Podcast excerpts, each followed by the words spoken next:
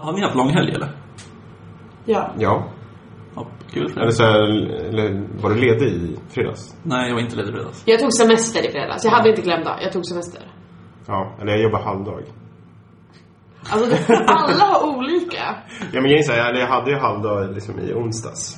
Egentligen, eftersom det var innan röd dag. Ja, och du jobbade så, helgdag då. Ja, så flexade jag och så tog jag halvdagen på fredagen och så jobbade jag hemma. Nice. Så att, ja, jag ser det som en lång helg. Ja. Alltså det kändes verkligen som en lång också för mig. Alltså även fast jag jobbade på fredagen. Eh, men det var också en väldigt snabb fredag för det hände så sjukt mycket på jobbet.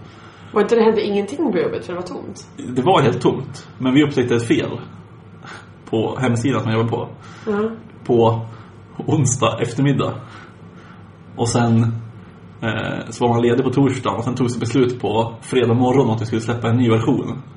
På För att fredag. lösa problemet eller? Ja. Ja. Och den ska säga här att liksom, det här releaserna händer inte så ofta. Det händer typ tre gånger per år i vanliga fall. Eh, Schysst. ja, Så lång eh, Och det- framförhållning då. det sköna var också att det var bara jag och en kille som började jobba samtidigt som mig. Så vi var liksom de två nyaste i teamet var där på plats. Och fick styra det här. Järngäng. Kul! Det var skitkul. Läskigt. Läskigt? Nej, det var inte så läskigt egentligen. Jag, jag är ju lite för självsäker av mig. Men, eh, Otroligt självsäker. men, eh, men det var riktigt kul faktiskt. Men det gick bra gissar jag. Ja, det gick bra. Ja. Eh, Allt man, man har ju fått mycket cred efteråt ändå, så att det är ändå härligt. Ni löste problemet. Vi löste problemet. Ja, men då så. Ja. Det är ju en skön känsla. Ja. Det är därför man håller på med problemlösning. Liksom. Ska vi hoppa igång avsnitt eh, åtta, eller vad vi är uppe i? Ja, det är avsnitt åtta. Ja. Och eh, en rolig grej innan vi börjar, Mm. som händer på jobbet. Jag ska på konferens nästa vecka. Vad för konferens? Eh, Devsam, som jag har funderat på vad det står för. Jag undrar om det står för Developer Summit kanske? Det låter ju rimligt. Det tror jag du har rätt i. Ja, jag, jag funderade på det för ett tag sedan och kom inte på någonting. Men nu fick jag någon, som en blixt från klar himmel. Kul. Ibland så förstår man saker när man pratar om dem. Så bara blir det. Klickar till. Ja, Men eh, vad, vad är det för typ av konferens? Det är en utvecklingskonferens ja för .NET-utvecklare, för .NET. tror jag. nu blir jag osäker, vad du ställer mig mot väggen här. Eh, nej, men, det det, är väl, det. är väl en .NET-konferens. Eh, så jag och ja, samma kille som jobbade i fredags med mig eh, ska dit. Eh, och det är båda våra första, eller första konferensen för oss två. Liksom. Det blir kul, hoppas jag. Eller så blir det skittråkigt, det vet jag inte, jag har aldrig varit på konferens. Är det en dag eller vad? Det är två dagar, torsdag, fredag nästa vecka. Eh, vilket då blir 8-9 juni. Så samma vecka som det här avsnittet släpps förhoppningsvis. Så har ni något tips? Första gångs konferensbesökare Tips. tips? så eh, skriv på Twitter eller något. Eller skicka mail. Eller vad som helst. Och Anton vill för- inte gör, liksom se dum ut. Nej. Bara gå omkring och göra fel. Jag vet inte ens om man ska ha dator med sig. Alltså jag har ingen aning. Intressant faktiskt. Det Ja. är, kanske kommer en workshop. Ja, men jag tror inte jag ska gå på... Jag tror det finns en tre dagars variant med massa workshops. Eh, och den ska jag inte gå på. Så det är bara massa föreläsningar eller? Jag tror att det är bara en massa dragningar om olika grejer. Oj, jag har kollat och det verkar superkul i och för sig. Sen tror jag inte att jag kanske går på alla dragningar utan man kanske minglar någon istället. Ja. Eh, det blir nog kul. Jag tänker att jag får väl återkomma med en rapport i nästa avsnitt och se Det tycker jag. hur det har gått. Men Ja. du måste ta med dig dator. Det känns jättekonstigt att inte Det känns dator. som jättekonstigt att inte ha datorn men jag menar liksom, kommer man sitta under Men skriva anteckningar om inte annat. Det kommer Alltså bli standard att man tar med sig datorn och så kommer man inte använda den. Ja, jag menar det. Det är skitjobbigt. Men Man- bättre det än att man inte har med den. Ja, men dra på utvecklingskonferens utan dator. Är känns också skumt. konstigt. Det känns skumt. Det känns lite konstigt. Men vi bor ju i en mobil värld. Det är liksom, man kan ha mobilen. Ja, ja. Ner Inte att koda på men... Jo, ja, dra ner Kan kabeln. Det går om man vill.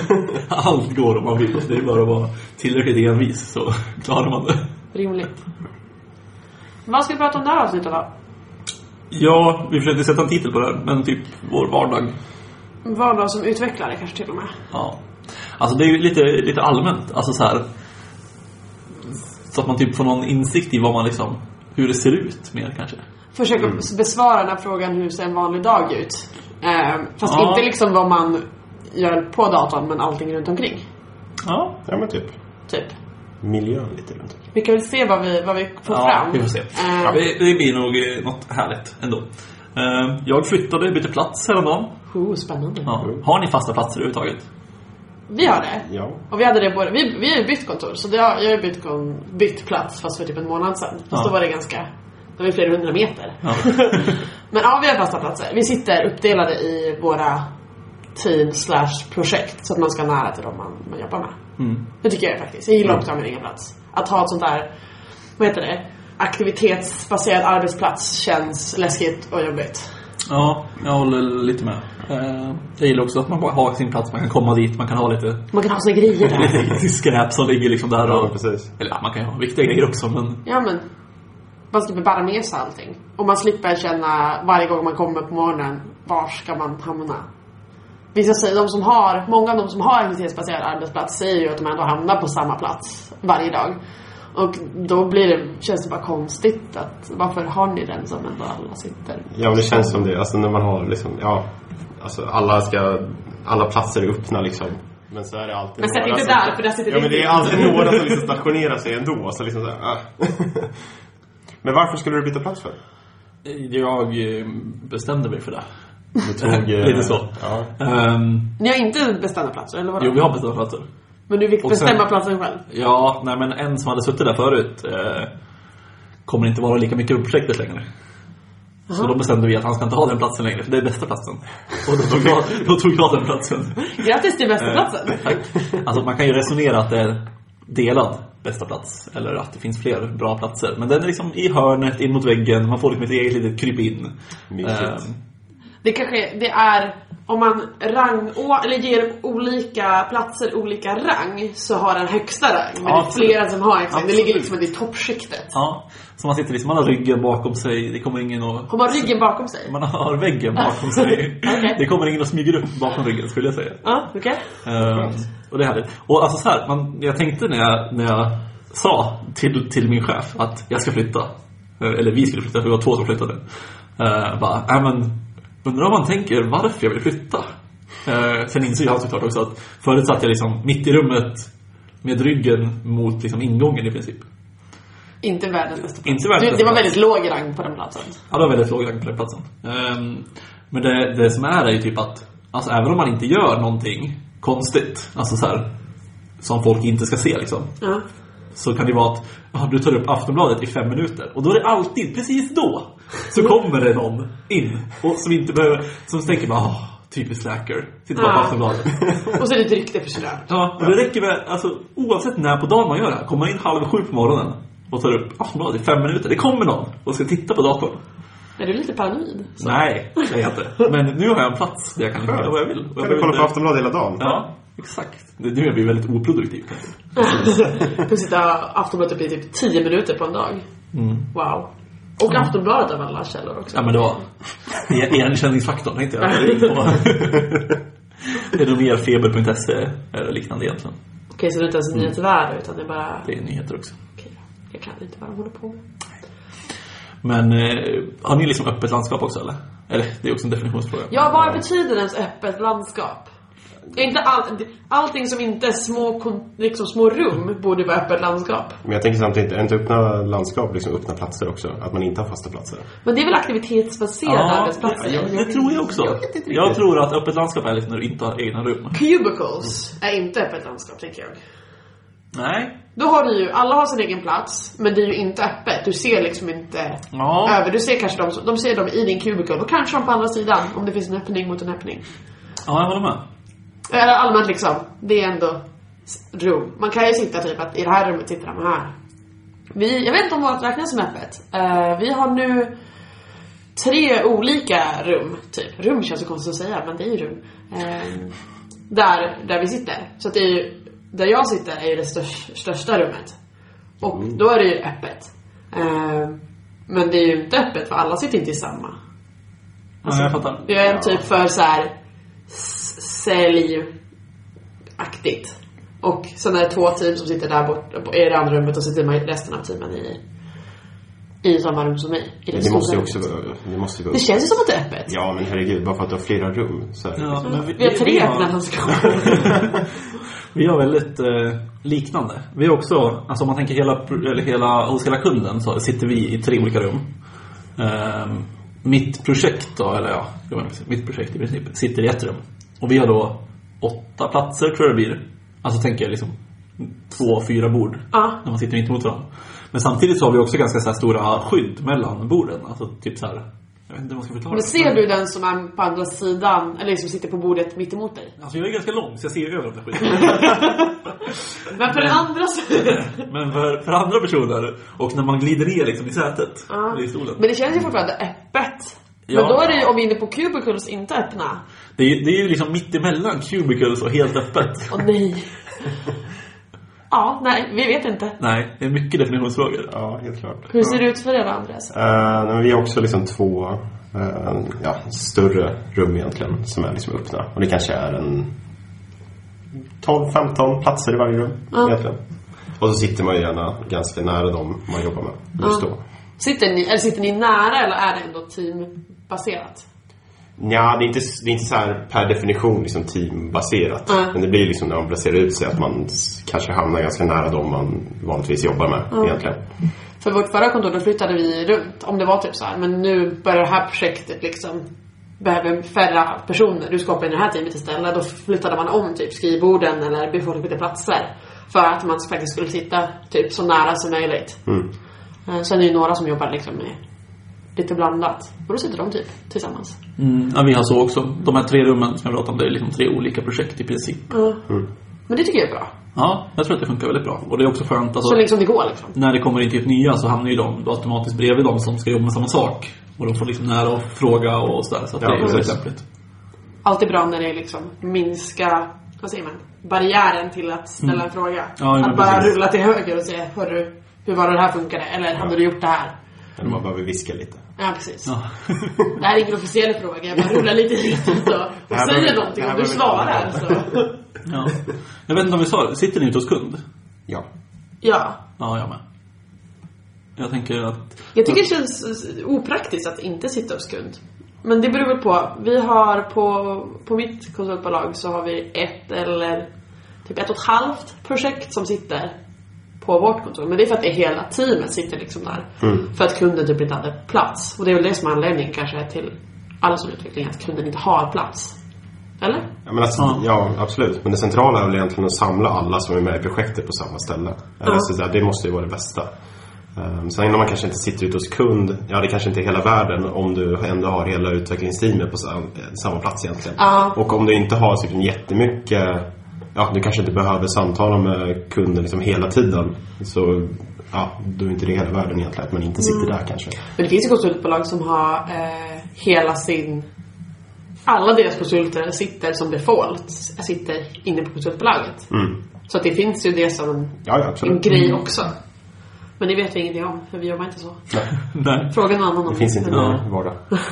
Nej, för det, jag tänkte på det. Alltså, det är ganska stor skillnad på, om man jämför hos mig, så, så här, hemmakontoret, alltså konsultbolagets kontor, jämfört med kundens kontor, det är ju stor skillnad på hos oss. Hur tänker du då? Nej, men det är så här, på, eh, på hemmakontoret så är det mer att, men då är det ju liksom väldigt spretigt vad alla gör. Det är liksom, folk springer hit och dit och det är lite, ja men det, man, man ser mycket mer annat folk som gör andra saker. På, på kundens kontor, då är det liksom, ja, men vi som kör projektet och kunden.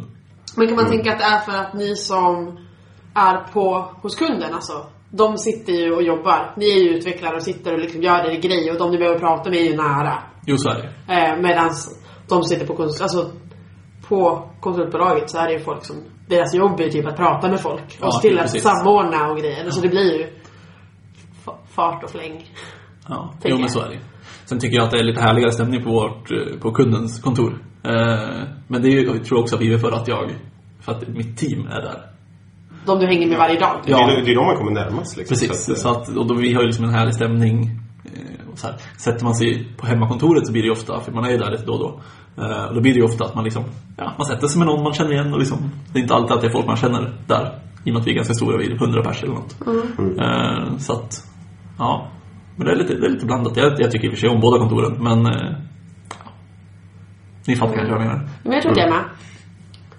Jag känner dock att eh, liksom, det är ju alltid skönt att komma tillbaka till. För att det blir ju alltid supermingligt när man kommer till, till liksom, hemmakontoret. Som Ja, är. nej, precis. Då går man omkring och typ såhär, ja ah, nu sitter de här sitter och äter. Kan man prata lite med dem? Och så jobbar man sig in, man kanske ska hämta en bok eller någonting.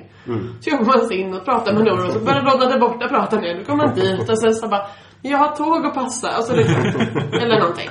Ehm, så det är oftast väldigt avslappnat när, när jag i alla fall är på hemmakontoret. Även om det är, att det är konsultmöte, eller så här, oavsett om det är konsultmöte eller någon utbildning eller om man bara ska hämta någonting eller vad man nu annars gör på. För jag brukar inte sitta och jobba där. Eh, men det kan man väl göra om man, om man har ett sånt projekt. Eh, Ja, men det har en avslappnad stämning. Ja, precis. Nej, för jag brukar ändå sitta och jobba på hemmakontoret ibland. Eh, vi har fortfarande, jag går fortfarande ett trainee och vi har liksom trainee-projekt som pågår. Och då är det för sig lite skillnad för då träffar jag ju de andra traineerna. Eh, och sådär. Men sen kan det vara att jag åker till kontoret ibland för att jag har liksom ett möte på förmiddagen eller något och då kanske jag sitter hela förmiddagen från morgon till efter lunch liksom, på hemmakontoret för jag orkar inte flytta emellan. Ehm, och då blir det liksom så här, ja, man sitter och gör sin grej och de flesta gör sin grej och så här. Det är ju färre, det är också för att det är färre team liksom på hemmakontoret än vad det är liksom ute hos kunderna. Vi har väldigt få stora team som sitter på hemmakontoret utan alla gör liksom det. Alla gör sina egna grejer. Ja men lite så.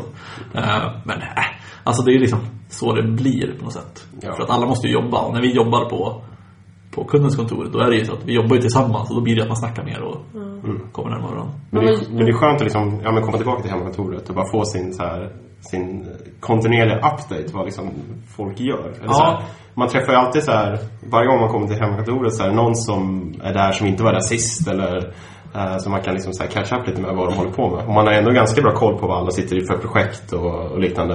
Eh, och det är, ja, jag tycker alltid det är kul att höra hur det går för, för folk. Mm, ja, men det håller jag helt med om. Det är ju skitkul att höra liksom, vad folk gör faktiskt. För att det, det är ju inte så att man sitter och skriver till varandra. Tja! Hur, hur Nej, nej, precis. Vad har du gjort den här veckan? Hej dig person som jag pratade med på höstkonferensen för sju månader sedan. Hur går det?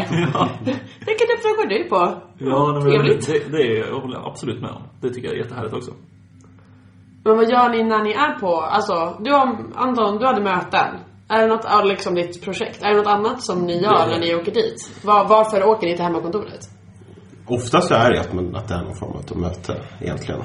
Ehm, eller om man bara har något litet ärende. Jag vet inte vad det skulle kunna vara. Men, Ja men typ att man har beställt någonting. Eller att det har typ kommit en bok. Ja. Eller någonting. ja, men så här, sen ibland så kan man ju bara ha vägarna förbi och, och liksom glida upp och kolla läget.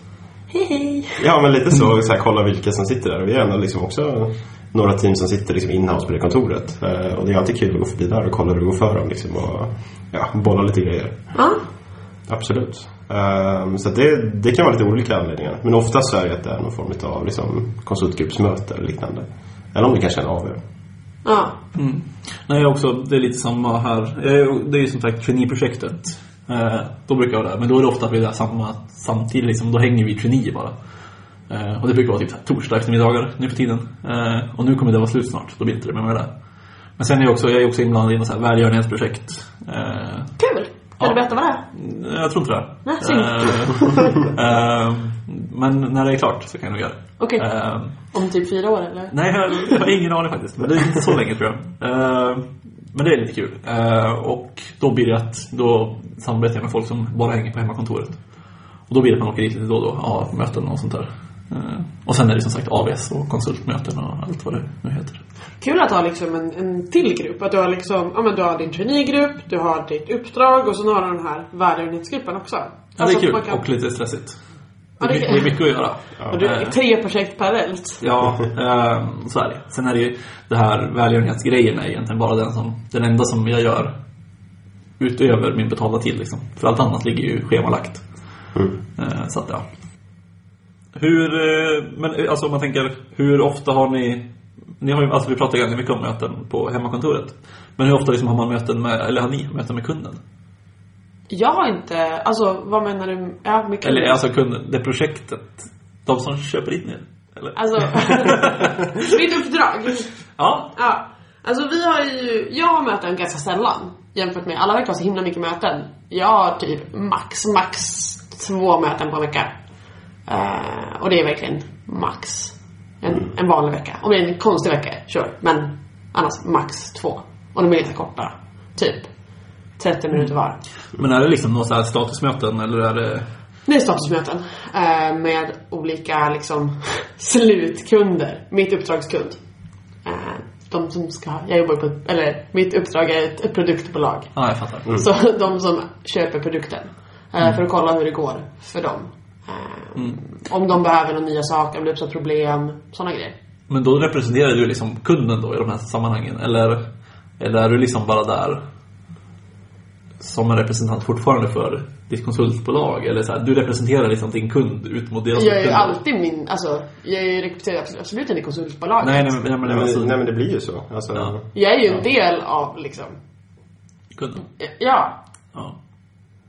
ja, för, för, Det vore konstigt annars tänker jag. Ja, ja, ja, ja. Jag, menar, men alltså, jag menar, det finns ju de gånger när man sitter, jag har också suttit med på möten med kunden och liksom annan tredje part. Ja. Och då vet ju de om liksom att, ja men, det här är inte från Det är kundens sida, utan det här är en konsult också. Eh, och liksom, det har inte varit någonting konstigt på något sätt. Så Det är ju inget hemligt, men Nej, det är påverkar ju inte tänker jag. Nej, nej men jag bara undrar så här om man visades upp som en del av kunden eller om det var liksom mer att, ja men hon är med här och hon är konsult, men det vet ni om så att det är ingen som behöver prata Jag tror om att det är ingen som vet om. Alltså, de bryr sig inte. Jag säger hej, vad menar ni med den här grejen? Eller vill ni ha den här? Eller kan ni skicka de här grejerna? Best regards Amanda. Så. Och sen står det ju liksom. Ja, jo men precis. Eh, Men du, du, jobbar med kravinsamling i princip? Ja, vi två, två, gånger- två gånger i veckan? men vi pratade om det här innan att det känns inte, jag bara såhär, nej, krav håller inte på med. Men det blir väl lite så. Men vi, ofta så är det någon annan, men liksom, de skickar ju typ, det här är vad vi vill ha. Sen blir det oftast någon annan som bollar lite fram och tillbaka bara, men för att göra liksom en specifikation. Men ofta så behöver ju specifikationen förtydligas. Eller att de, antingen att vi kommer med frågor eller att de kommer med, med annan information sen. Ehm, och då får man ju fråga och rätta och, men det blir också typ, ja, buggar blir också sådana grejer. Okej, det här saket funkar inte. Vad menar du? I vilket sammanhang? Ehm, skulle det här lösa problemet? Ehm, så det är ju, det känns ju alltid som att man kan fråga slutkunden vad de vill ha. Så det är, det är väldigt bra kommunikation där. Eh, även fast de sitter i andra länder. Det tycker jag, det tycker jag är väldigt bra. Sen blir det lite segare kommunikation när man liksom kör telefonkonferenser och eh, mail. Det är liksom våra kommunikationsmedel.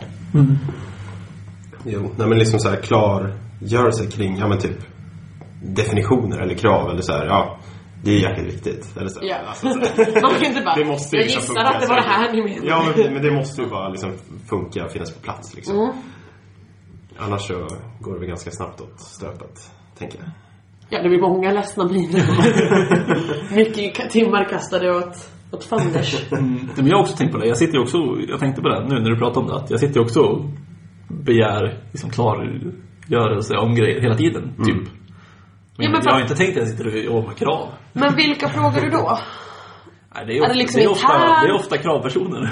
Ja men då är det ju, då är det de som har typ fixat kraven och du bara frågar kravarna. Ja. Alltså jag tänker det blir Ja. ändå lite skillnad än Ja. att man ska försöka. Ja, för du frågar ju För det är deras ansvar reda slutkund. på. Du frågar slutkund. Ja, jag säger hej, eller jag pratar ja precis, pratar Ja. med de beställarna. För jag pratar ju med kravfolk som, Som bara har varit otydliga mot dig. ja precis. Det är ju mer, vad håller de kraven på med? Det är, lite, det är lite mer rimligt. Det händer ju inte så överdrivet ofta som jag kanske får det låta nu. Men, Men det händer, ibland. Eh, och det är ju liksom det är så lätt att skriva någonting och anta, det vet man ju själv när man typ skriver kod eller vad som helst, att så här, man skriver någonting. Det här är ju självklart. Det här är den bästa lösningen jag varit med om. Ja. Det är super Varför skulle, det här är ju det enda man kan vilja ha. Och sen kollar du själv på koden dagen efter och man bara, Vad är det här? va? va? Vad gjorde jag här? Ja, det är lite oklart. Men Andreas, hur mycket går du på möten då? Om du sitter på liksom ett produktbolag? Men Men sitter du på produkt? Jag sitter inte på produkt. Vad håller du på med? Det var, Alltså, jag jag har sit- fått för mig det. Nej, men jag sitter som, jag sitter som underkonsult. Jag sitter på en, på en digital byrå. Eh, ja. Ah, okej. Ehm, Skapa inte ni små produkter. Då får man se det. Jag tänker att produktbolag är bolag som jobbar med sin egen produkt. Ja. Mm, Ja. Precis, så att det inte är produkt.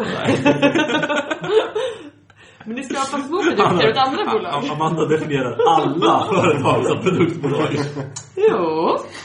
Ehm, nej, men det blir inte så överdrivet mycket möten egentligen. Jag tror jag kan likna det lite med, med Amanda. Typ alltid ett möte i veckan och ibland kanske två i princip. Och då räknar jag inte in typ möten, liksom så här, ja, interna liksom checkups kanske. Kring ett specifikt Hur många projekt. interna checkups har ni? Då brukar vi köra typ två i veckan ungefär. Där det blir lite såhär stand-up grejer Ja, fast typ bi-weekly. Ja, men lite så. Inte riktigt så här, inte någon daily liksom. Men eh, ett par gånger i veckan. Och det har funkat väldigt bra. Det tycker jag är skönt. Vi har just börjat med det. Vi kör liksom ingen scrum eller så. Men vi kör måndag, onsdag, fredag. Mm. Att vi har bokat liksom en kvart där vi kan gå till ett rum. Och bara så här, okej, alla, om alla bara berättar vad typ de gör idag eller så. Ehm, och det kan vara lite skönt. Och så kommer det oftast upp saker som man inte har tänkt att man, någon annan kanske behöver veta eller någon annan kanske vet någonting om. Eh, ibland så blir det att alla bara säger Jag gör det här, jag gör det här, jag gör det här. Men det, man har inte förlorat mer än typ 10 minuter max på det. Eh, så jag tycker det är skönt. Är det typ så ni också eller? Ja, absolut. Det är ganska spot on egentligen. Um, ja, men bara få liksom så här en muntlig liksom update uh, hur det går i projektet. Där man kan bolla lite grejer öppet inför alla liksom. Um, och det tycker jag är väldigt vettigt. Bara för att få igång lite diskussion kring saker och ting. Kör ni något scrum-aktigt i övrigt eller? Scrum-ish. Som, Scrum-ish. som alla, för alla som alla andra. Som alla andra. Ehm, ja, men det skulle jag säga. Men samtidigt väldigt scrum-ish. Liksom. Det är, det är fokus på ish. Scrum med små bokstäver, ish med stora. ja, men det tror jag är lite liknande mot er också. Vi, jag skulle inte säga att vi kör scrum-ish. Ni kör scrum. Nej. vi kör liksom, det här är vad som behöver göras eh, och så prioriterar man. Vi har, mitt team har, beroende på hur man definierar det, upp till fem projekt eh, som är i olika stadier eh, och ska ha olika releaser. Och då ser man liksom, men vad är det, här har det kommit in många rapport, liksom buggrapporter eller här är liksom, det här behöver vi fixa för att det liksom börjar här är mycket arbete som behöver göras eller någonting. Ehm, och så fokuserar man utifrån det. Ehm, vi använder ju de heter ju Sprint 5 men de är ju inget slut eller så. Utan det är mer, det här är liksom Det är en oändlig sprint. Men det är typ håller på Ett maraton. Ja, Nej men det är så här, det här är vad som har gjorts under den här releasen, eller inför, så att man kan se liksom i varje release, det här är vad som har hänt sen förra leverans. Ja. Ehm, så det är mer så, det är inget, det här är vad som ska vara gjort. Det här är, men man kan lägga in, det här är vad som är rimligt, eller det här är vad vi ska prioritera, det här är vad de vill ha. Ehm, men det är inget, inte så här, det här är vad vi ska ha gjort, har vi, är vi klara på, på två, det här ska levereras om två veckor. Är vi inte klara så måste vi vara klara ändå. Är det inte, är det klart efter en vecka så är det typ klart. Alltså, inget sånt, utan det är mer det är, det är, jag vill säga agilt, men det är ju inte agilt. Det är mer flexibelt. Ja, flexibelt är ett bra ord. Ja, Istället för agilt. ja, ja, men agilt Ja. är väl iterativt? Ja, jag tänker också det. Ja. Alltså, Det jobbar vi också mycket. Så, Ja. fast, ja. in, fast inte agilt då. ja, precis. Ja, det är It, flexibelt. iterativt, men inte agilt. Flexibelt och iterativt. Ja, men typ. Ja. Undrar om folk skulle använda de orden för att beskriva det agila arbetssättet. inte omöjligt, tänker jag. Scrum är absolut inte flexibelt. Nah, Men... Scrum-ish. Scrum-ish är flexibelt. Ja. Vi, vi jobbar ju, jag vet jag har försökt tänka på så här hur jag skulle definiera vårt arbetssätt. Det är ju typ Vattenfall. Oh. är det för att ni har leveranser då? Ja, det är liksom leveranser tre gånger per år. Ja. Eh, och då blir det liksom, fast det är ju fortfarande flexibelt vad man jobbar liksom under tiden. Men jobbar ni på iterativt? Alltså typ att Kan, kan vi... vi definiera? Men är väl att man så här stegvis förbättrar? Inte så här, vi gör en sak och så gör vi det klart. Utan ja, det är liksom... Nej, det blir ju alltid, för, alltså, alltid förbättringar. Ja men vi då är det ändå. vi Men det också- kanske är Vattenfall med iterativt i mitten och det är väl typ så egentligen typ alla jobbar. Ja, nej men alltså det är så här. Vi, jag sitter ju i ett förvaltningsprojekt nu. Mhm. Eh, Så det, är inte, det drivs liksom Vi har ju ja, säkert en åtta system vi tar hand om. Mm. Varav sex är jättegamla. Eh, Så de sitter inte jag så mycket i för jag har lyckats undvika det. Eh, Men sen är det ju så här, hela tiden så blir det ju en utveckling på, på de här systemen. De flesta av dem. Eh, Inte de äldsta, men i alla fall de här två som är lite moderna. Eh, och där sitter vi liksom och, och utvecklar nya funktioner hela tiden. Vi defekt, fixar buggar och allting sånt där. Och liksom den processen är ändå ganska liksom agil. Att den prioriteras liksom inom och så här, det kan ändras om under tiden och sånt där. Sen är det ju bara då att ja, alltså det släpps tre gånger per år och det är där liksom. Ja. Eh, Men liksom under tiden så tycker jag att det är väldigt agilt.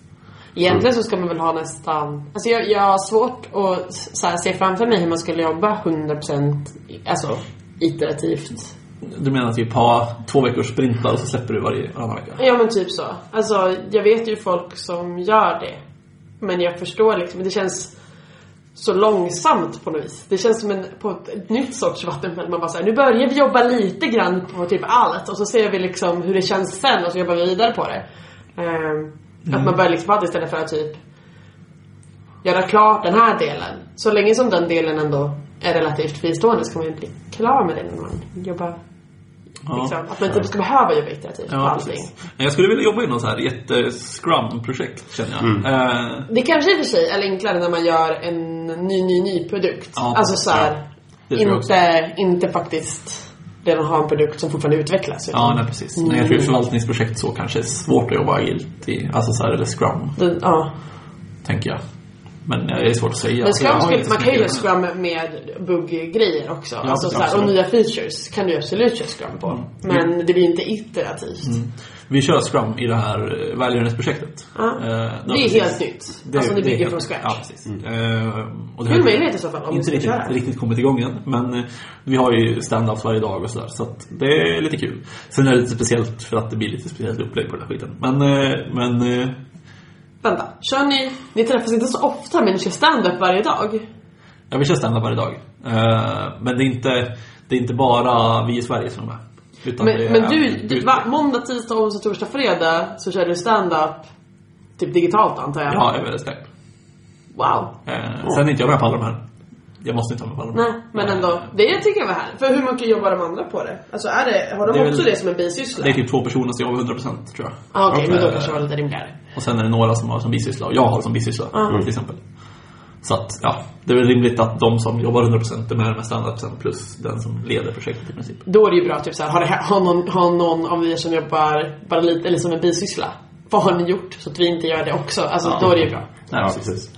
Ja, så det är lite kul. Sen om man pratar om möten så var jag inne på. Eh, jag, går, jag känner som att jag går på ganska mycket möten. Men jag tittade i min kalender nu när vi pratade och jag hade inte så mycket möten inbokade. Eh, så jag vet inte riktigt vad det är. Men sen är det också så här att det blir... Men vad är lite mycket möten för dig? Ja, Eh, precis. Ja, 40 möten per vecka? Du bara, det är ingenting. Nej, men, alltså, om, man, om man struntar i de här standupsen då. Eh, så har jag ett fast möte i veckan. Och det var inte så mycket. Och sen Nej. ibland ett till liksom. Eh, Det låter ju som oss. Ja, precis. Eh, men jag har ett fast möte i veckan. Eh, för vi har inga så här statusmöten just nu. För vi är ganska, det är lite låg konjunktur på, på utvecklingsbitarna nu. Eh, för vi har inte så mycket att utveckla för tillfället. Mm. Men tidigare så körde vi statusmöten två gånger i veckan tror jag. Nej, tre gånger i veckan med vårt utvecklingsteam. Och sen två gånger i veckan med testarna. Så då var det liksom ett möte varje dag med status Ja. i princip. Ehm, men sen, just nu gör jag inte det. Sen nu sitter jag liksom, jag kanske utvecklar 40% av min tid just nu, skulle jag tro. Ungefär. Eh, och resten av tiden är mycket så här mm, fixa lite med miljöer och sätta upp lite sådana grejer. Och, ja, det kommer in någon ny i teamet som man ska liksom hjälpa till och lära upp så småningom. Eh, och lite sådana grejer. Och sen så har jag typ så här, lite ansvar för daglig drift tillsammans med en annan kille för väldigt många applikationer. Kul. Eh, det är jätteroligt. Men det måste vara kul med lite variation ändå. Men Absolut. kan det bli lite stressigt att det blir liksom att du ska, du låter gärna som att du håller på med ganska många grejer. Alltså någonting behöver göras här borta och sen har du den andra liksom driftgrejen här borta. Måste Ja, det komma någon ny som men det- behöver nya konton här borta. Nej men det, är- alltså det är ganska bra. Jag har inte så mycket så här, nya konton och sånt där behöver inte jag fixa. För jag är inte liksom, det fixar ju teamleadern. Eh, och sånt där. Så att det är mer bara lite, lite små grejer här och där. Sen är det mest driften som är att man bjuds in till liksom, olika möten som man kommer in i, i det sammanhanget. Liksom. Ja. Till exempel, ja men just nu så när kunden ska köpa in nya grejer från, alltså typ tjänster från andra leverantörer så har man liksom varit inblandad där och får vara agerat expert på något sätt. Men typ, kommer det gå bra att synka ihop eller liksom? Eh, ja, och det har varit som tjänster som även vi har velat haft. Eh, Och förespråkar då kanske varför den här är viktig och värd. ja, men precis. Så vi har haft, vi, nyligen så eh, la vi till en grej som heter, eller en APM-tjänst, alltså en Application Performance Monitoring, tror jag det står för. Eh, som är alltså en tjänst där du installerar det på, på dina servrar. Och sen så övervakar den applikationerna. Eh, så då kan, i vårt fall då så kan man på, ha det på vår på webbsidan eller på e-handelstjänsten som vi har. Och då övervakar den liksom allting. Så att jag, jag kan se liksom ner på kodnivå vilka anrop som tar lång tid, så här, hur många anrop som gjorts den senaste timmen till den här vad grejen. Eh, det är superroligt. Jag är lite statistikknarkare också. Så jag har ju suttit lite för många timmar i det här verktyget nu. Bara stirrat i blind. Ja, jo, men lite så. Ehm, Men det, det funkar väldigt bra. Eh, och det har redan liksom gett nytta till oss också. För att nu, nu när vi felsökte en grej som vi släppte eh, ja, förra veckan. Så gick det väldigt mycket snabbare att hitta tack vare det där. Så det tycker jag var en superrolig grej. Och det är också kul att ha varit inblandad liksom och godkänt det på något sätt. Eller vad man ska säga. Ja men det känns också, även om du inte kommer med liksom någon revolutionerande tanke så är det ju värt att få vara med i processen. För att du blir också, både att du lär dig men också att du får mer förståelse för varför beslut tas. Mm, jo men absolut. Så då blir man ju en bättre, jag tänker att man blir en bättre arbetare i spannet ord. Ja men liksom, för att du förstår varför beslut tas. Ja, jo men precis. Ja. Jag tänker också... Man känns involverad. Jag ser det också typ som att det är väldigt motiverande. Alltså att få vara med och liksom vara liksom... Jag menar få. Jag vill säga, ja men få liksom vara med och ge input och då precis som så här, då ser man att man liksom värdesätts, eller ens åsikt liksom värdesätts Ja. på ett sätt. Och det är väldigt motiverande tycker jag. Mm, jo men det tycker jag också. Det är jätteroligt att faktiskt liksom vara med i sammanhangen och så här. Och jag har ju inte jobbat där så länge. Jag har inte jobbat så länge överlag. Sen vet jag inte om de, de vet det i och för sig. Men, men Det märks inte för du är så himla duktig. ja, precis. Jag har ju varit, på kunden i åtta månader. Nej, sju månader ungefär. Det känns ju inte jättelänge ändå. Det finns ju de som har varit där i tio år typ. Ja, men det är Så- du som vet. Det är dig de litar på. Det är du som är experten. Ja, så att, ja, men det, jag tycker att det är en jättehärlig eh, känsla på något sätt. Jag har en liten fråga. Ja. Ehm, liksom kodkvalitet, eller liksom framställande av kod. Typ parprogrammerar ni? Känner ni att det är bra? Skulle ni vilja göra annars? Jag skulle nog vilja parprogrammera mer egentligen. Eh, jag har gjort lite, men inte så mycket. Ja. När har du liksom, vilken sorts kod har du parprogrammerat? Eller liksom, vilka kontext? Jag parprogrammerade lite när jag satt och jobbade med, med Angular 2. Ja. Ehm, och det var främst för att vi bägge liksom var ganska fräscha inom Angular 2. Eh, så då satt vi liksom och lärde oss lite tillsammans i princip. Man kunde bolla lite liksom. Ja men precis, och det var väldigt så här, nära till hands, sitta och bolla. Ehm, och det var väldigt lärorikt och kul framförallt. Ehm, och lite så här, ja, lite, ett lite annorlunda sätt att jobba än vad man kanske är van med annars. Men också jätteskönt om man ska lära sig någonting. Att liksom, när du glömde bort så kunde den andra liksom bara, men just det, men det här måste vi lägga in det här för annars händer ju det som hände igår. Eller någonting. Ja, nej men absolut. Ehm, så jag tycker det är väldigt nyttigt att parprogrammera. Ja. Ehm, sen nu i dagsläget sitter jag inte och parprogrammerar så jättemycket faktiskt. Ja. Själv då? Ehm, vi, jag har parprogrammerat lite, lite, lite i början. Men det var mest när jag skulle komma in i mitt första projekt. Ehm, så skulle, fick, jag, liksom, fick jag och han som typ kunde projektet parprogrammera. Ehm, vi hade lite nya grejer som skulle göras. ehm, och det blev liksom parallellt med att han typ förklarade. Vi kom in, det är svårt att liksom, ja så här funkar systemet. Och klicka runt och förstår man ingenting. Men om man då liksom i ett kontext bara, men nu ska vi läsa det här. Då måste vi gå in i den här klassen som gör det här. Och liksom, ett sånt, det var ett bra sätt att lära sig. Mm. Ja, men det tror jag är ganska vanligt i just så här, ja, kanske inte alltid uppstart, men om någon ny kommer in i projektet och liksom ska komma igång snabbt. Då tror jag det kan vara väldigt effektivt att parprogrammera i början. Sen behöver man inte köra liksom hela projektet ut, men tills den personen som har kommit in liksom kan navigera runt i projektet, förstå liksom strukturen och kan vara lite mer självgående egentligen. Vi gjorde typ så att när det blev någonting som var lite väl basic, eller typ var många saker som behövde fixas, då typ gjorde vi det separat och sen när vi var klara med det samlades vi ihop igen och liksom såg hur vi skulle gå vidare. Ja. För att det känns ju som att powerplanering är ju onödigt när man gör liksom världens simplaste grejer. Ehm, nej men, men Jo, jo, absolut, Alltså, absolut. Ja, vi kan väl undvika någon slags slarvfel men det är lätt att man blir lika blinda båda två i så fall. Framförallt om det är någon som skriver kod och tänker man att ja, det blev rätt. Men vilka, vilka liksom intervaller satt ni då? Alltså det här var ju just i början. Ehm, sen var det också att han var mycket där i början men annars var han eh, bara där någon dag i veckan. Så att vi typ kunde jobba tillsammans när han var där och sen jobbade jag resterande dagar och jobbade vidare. Och sen när han kom tillbaka så briefade jag typ honom vad jag hade gjort. Ehm, och så kunde jag liksom såhär, men kände du att det liksom, kunde man diskutera liksom valen, designvalen för liksom, i och med att det ändå var ganska liksom, vi byggde ändå upp hur systemet skulle se ut så kändes det bra om det skulle vara någorlunda smart tänkt. Ehm, så det kunde vi diskutera där och bolla liksom. Det tyckte jag var väldigt bra. I och med att jag också var ny och liksom hade inte byggt något stort system så var det. det jag tyckte det var jättebra. Jag skulle nog ha programmerat mer. Ehm, men det känns också som att det blir lätt lite, alltså så här, vilka situationer är det värt att så. Vi brukar typ parprogrammera nu för tiden om det är någon bugg som man inte förstår eller så här, varför, hur borde det bli? Vad är det egentligen vi vill? Eller något sånt där. Ehm, för att typ komplettera. Också då brukar jag göra med någon som är mer senior. Ehm, Men jag tänker liksom så så att man, jag får lära mig. så fort det liksom börjar bli komplext och när det är någonting som kanske är lite mer kritiskt om man säger. eh, Då tror jag det kan vara väldigt vettigt. Ja. För att sitta liksom där och då och vara liksom, ja, ett par som kan diskutera är det här det smartaste valet liksom. I princip. Visst brukar man säga att, typ, eller Bright Minds säger typ att man borde parprogrammera mer. Att det är liksom ett bra sätt. Alltså inte i 100% parprogrammering kanske, men ändå att parprogrammering gör ändå att det, att det ändå är värt att typ två personer lägger tid på det. Eller? Har jag... Alltså, jag det har är- att jag har hört det. Ja, ehm, det finns folk resonerar lite olika tror jag. Det är väl en ganska fin balansgång det där när det liksom kan vara vettigt och när det kan trilla över till att bara bli kostsamt egentligen. Ja.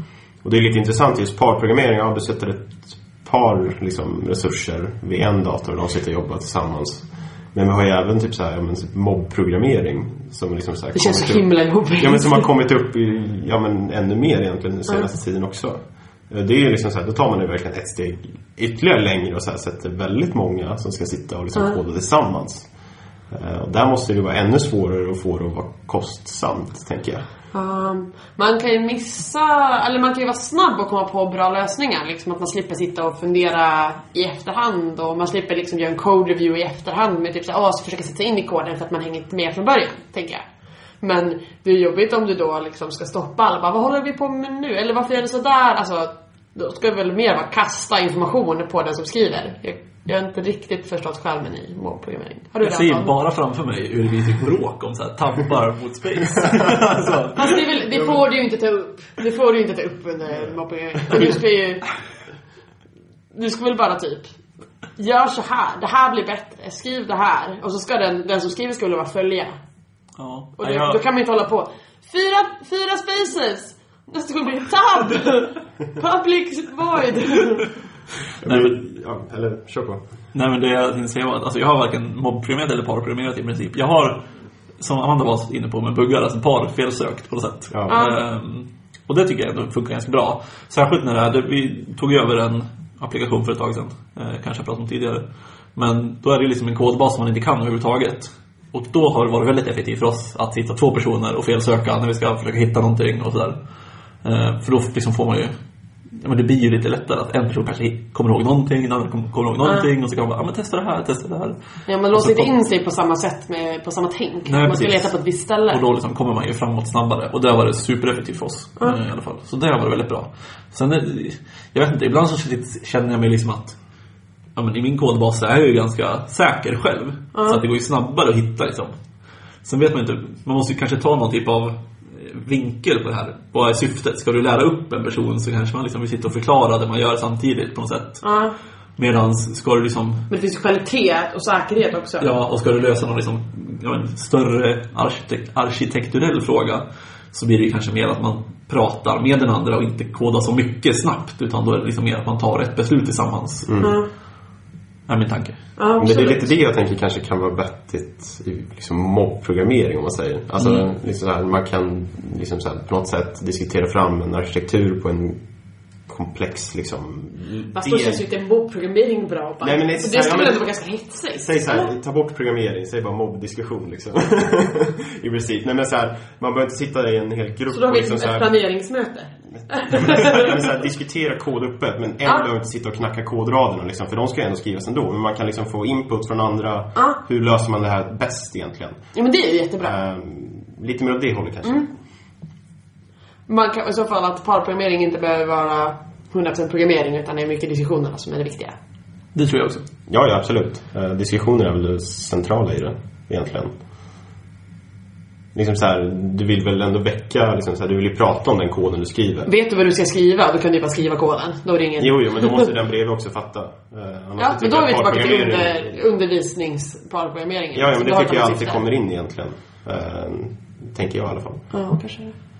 Oavsett om det är att den sitter bredvid liksom ska kunna följa med eller om den ska sitta och liksom så påpeka men ska vi inte göra sådär istället kanske? Alltså, det blir ju någon form av liksom så här, man lär sig lite tillsammans hela tiden. Men det är ju liksom i lite undervisningssyfte också. Behöver det vara det? Det behöver ju inte vara det, absolut inte. Det kan ju också vara att man ska komma fram till den bästa lösningen. Jag tänker det kan vara typ så här tolkning av, ja, men, vad betyder den här, när vi vill ha det så här, hur vill vi ha det i den här situationen? Om det här händer, hur vill vi hantera det? Så då är det ju mer diskussionen, alltså man typ, Men det känns ju mer krav. ja men om du ska tolka kraven, Ja, hur men, tydliga krav får ni? Ja, men det är inget, inte, så- alltså krav känns inte som att man tar kanske när man sitter och parprogrammerar heller. Alltså så här, Alltså, du ska ju få kraven Jo, jo absolut, absolut. Men du kanske inte ska tolka kraven. Alltså, det ska ju vara ganska klart ändå när du implementerar någonting. Så är det nog inte för mig. Men det, är, det här är vad de vill ha. Det här är vad de skriver. De vet ju inte hur, hur vår kod ser ut när de säger vad de vill ha. Så då får man liksom tolka deras krav till hur vår kod ser ut liksom. Ja, ja, det är olika. Ja. Men kör ni även eh, no code reviews? Eller alltså no, granskar ni varandras kod på något sätt? Inte liksom officiellt. Du sitter och... Du sitter och smyger i, i versions... Oj, oj, oj, det här var inte bra. versionshanteringen och sitter så här tittar på andras incheckningar och bara men Nej nu, nu är det inte bra här. Sätter en post-it på deras skärm när de går på toa och bara Incheckning bla bla, inte OK. Eller bara ändra och säga Smyg code review. Nej, men jag sitter helt klart och kollar igenom andras commits alltså. Ja men det, Det gör jag ju liksom absolut. Det är Så- vettigt. Och om jag liksom hittar någonting som jag tänker att ja, det här kanske borde vara så här istället. ehm, Då liksom tar jag såklart upp det. Ja. Och det gäller detsamma, alltså det är ju liksom same thing goes around liksom. Det, andra sitter ju och kollar det jag skickar in det committar också. Så att, Men det eh, finns ingen officiell procedur utan ni har ganska Nej. en sån, ja men typ en arbetsmetodstämning som är bara att ni, ni kollar vad som händer i kodbasen. Ja. Det är ju Eh, bra. Ja, absolut. Har ni något så här, liksom så här mer... Ja, alltså att ni verkligen... Vi har lite formellt. Ja. Så. Det är inte code reviews, men när vi är klara med någonting så sätter vi den på vår test. Och då betyder det att någon annan måste liksom gå in, kolla vad, vad som problemet var och se om det är löst. Ibland så gör man det genom att liksom att klicka ut i produkten så här, så här var det, nu är det in, händer det inte. Ehm, och ibland så är det liksom enklare att bara göra en, en code review, uh, kodgranskning. Så att vi, och då- så liksom varje, varje grej som vi pushar ska ju egentligen kollas av någon annan. Mer eller mindre liksom. Ja, vi systemtestar ju, alltså så här, vi testar alla ärenden, så man testar liksom varandras. Ja, men det är typ som vi är. Eh, Så att all- alla, man får liksom, ja men jag kanske tar Andreas ärenden och Andreas tar dina ärenden och sådär. Ja, ni har liksom en cirkulär Ja, alltså, vi brukar göra så för att det är enkelt liksom. Ja. Eh, och då går, går man liksom in och så bara systemtestar man dem. Och det är ofta att vi klickar runt i produkten. Mm. Eh, det är sällan man går in och kollar koden. Om det inte är något som man märker att är det här verkligen rätt eller sådär. Mm. Eh, utan det är ofta så. Sen om det är större grejer, eh, större nya funktioner eller sånt där. Då brukar vi också köra en liksom, officiell code review. När man först får klicka runt i koden och liksom titta på all, hela lösningen. Och sen får även personen som har gjort det förklara det på någon liten, ja, men, så här, någon minisession som kanske tar en halvtimme, 45 minuter eller något. Eh, Men det är ofta på de lite större grejerna som kommer. Det låter ändå bra. Alltså, Ja, Men hur, hur ofta liksom kan, det, kan det vara? alltså det händer inte jätteofta. Eh, en gång per månad, en gång per halvår liksom. lite oftare, lite, lite emellan. En gång per release. Eh, ja men typ något sånt kanske. Sen är det som sagt, alltså, som sagt det är inte jätteofta det är så att det händer och då blir det liksom att när det väl händer så blir det lite kul med det. Eh, hade man haft det liksom varje dag så hade det mer blivit lite drygt och tagit massa tid och sådär. Så att, ja. ja. Jag tror inte att jag har något mer att säga riktigt. Känns som att vi har snackat om allt möjligt kring vårt jobb. Ganska blandat. Ja, Ganska vi gör blandat. inte... Täckt allt. Utom en Ja, sak. det var sista avsnittet. Tips Månadens tips som Månadens återuppstod förra månaden. Antons till vår allas förtret. Ja, ska jag börja som vanligt eller? Ja. Det är min grej. Eh, Ja, det här har jag kört med ett tag. En applikation som heter Hyper eh, Eller Hyper Terminal. Eller hette Hyperterm förut tror jag. Det är alltså en kommandotolk, en terminal, vad man nu vill kalla det. eh, Som liksom, ja, man ersätter den vanliga med den. Och det funkar på Windows och Mac eh, och Linux, så vitt jag vet. Och den är skriven liksom i eh, Electron, som är en JavaScript-ramverk, alltså Node.js liksom. Och det som är roligt med den är att det finns massa plugins. Eh, så att man kan liksom lägga till lite vad man vill. Man kan lägga till så att exempelpluginet de har så tror jag heter typ så här någonting power eller något sånt där. Power typer, något sånt där. Vilket gör att det kommer så här lite, för varje karaktär du skriver så kommer det lite fyrverkerier. Det låter jättejobbigt. Det är deras exempel-plugin. Alltså så, Ja. så att man kan se. För det är väldigt lätt att utveckla egna, egna plugins. Kul. I och med att det är JavaScript. Ja. Eh, så det är ganska kul. Och det finns väldigt mycket. Lite mer till Mac än Windows, men, eh, men generellt sett. Och sen, den har ju såklart alla viktiga grejer som tabbar och eh, att man kan kopiera eh, text i den och sånt där. Men varför ska jag använda det här istället för, jag använder liksom bash. Fyrverkerier. Ja, hörde du inte det? Fyrverkerierna. Jag har inte motiverat det tillräckligt bra. Nej, men det, det är en väldigt bra terminal och den är superpopulär. Eh, Men om man ska typ ska skriva, vill du söka hur gör jag det här? Då brukar jag skriva vad jag vill göra och sen bash och så googlar jag det. Eh, eller liksom, Du Vad kan, skriver du kan, jag i Du kan ju liksom? köra bash i den här. Aha. Alltså det här är ju bara själva, eh, vad ska Skalet, säga, typ. skalet. okej. Då lät det lite mer lockande. Ja, jag kanske gör bort mig nu, men jag är helt 97% säker. Kanske är du bort det, men du är helt säker. ja. Nej men det, det tror jag. Jag kör ju på Windows, jag kör bara Windows. Vad heter Windows? Jag typ bara Den heter... kommandotolken? Ja, jag kommer inte ihåg vad den heter. Ja, ja. Ja, men, nej. Ja. skitsamma. Mitt tips är en artikel ehm, som jag tyckte var intressant. Ehm, man brukar ju prata om legacy code som det farligaste och jobbigaste. Ehm, men så finns en artikel som heter Paying Technical Debt How to Rescue Legacy Code Through Refactoring. Ehm, och den tyckte jag var intressant. Den var både liksom lite roligt skrivet eh, och jämför liksom legacy-koden med att uh, när du det ansvaret så är det som att få en horrific quest, the blood covered, here be dragon sign, bla bla bla. Alltså, och jämför koden med liksom något eh, läskigt svamp i ett i en skog eller någonting. Ehm, och den tyckte jag var intressant. Ehm, eh, den... Jag är väl ingen expert på det här. Ehm, men den blev tillräckligt bra. Den länkades från mitt konsultbolag. Så då tänker jag att då, då håller den en nivå. Um, så den, den vill jag tipsa om. Både intressant läsning ehm, för oavsett om man kanske har jobbat med code eller inte. Det är mitt tips. Mm. Det, är- jag, jag har faktiskt den där på min eh, läslista. Ja. Eh, men jag har inte tagit mig igenom den. Men det, jag såg nog, det var nog du som tipsade om den någon gång. Ja men det tror jag. Eh. Jag tror jag länkade den lite fritt när jag hittade den. Ja, det är inte omöjligt. Så jag ska också ta mig igenom den jag tänkte. Ja, Men det var ganska lång väl?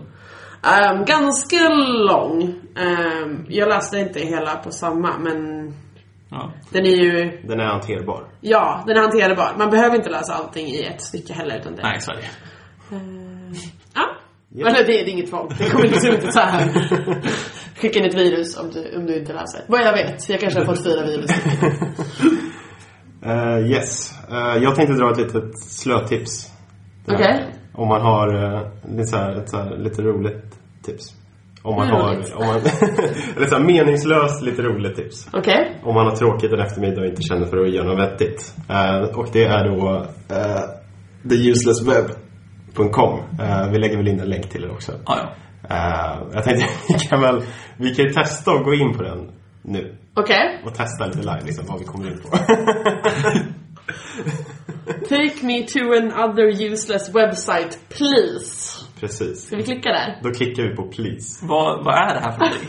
Vadå, du ska väl få en, en precis- useless website? Precis, du går in på The Useless Web och så tar den dig vidare till en helt meningslös me- webbsida som kan vara lite underhållande. Okej.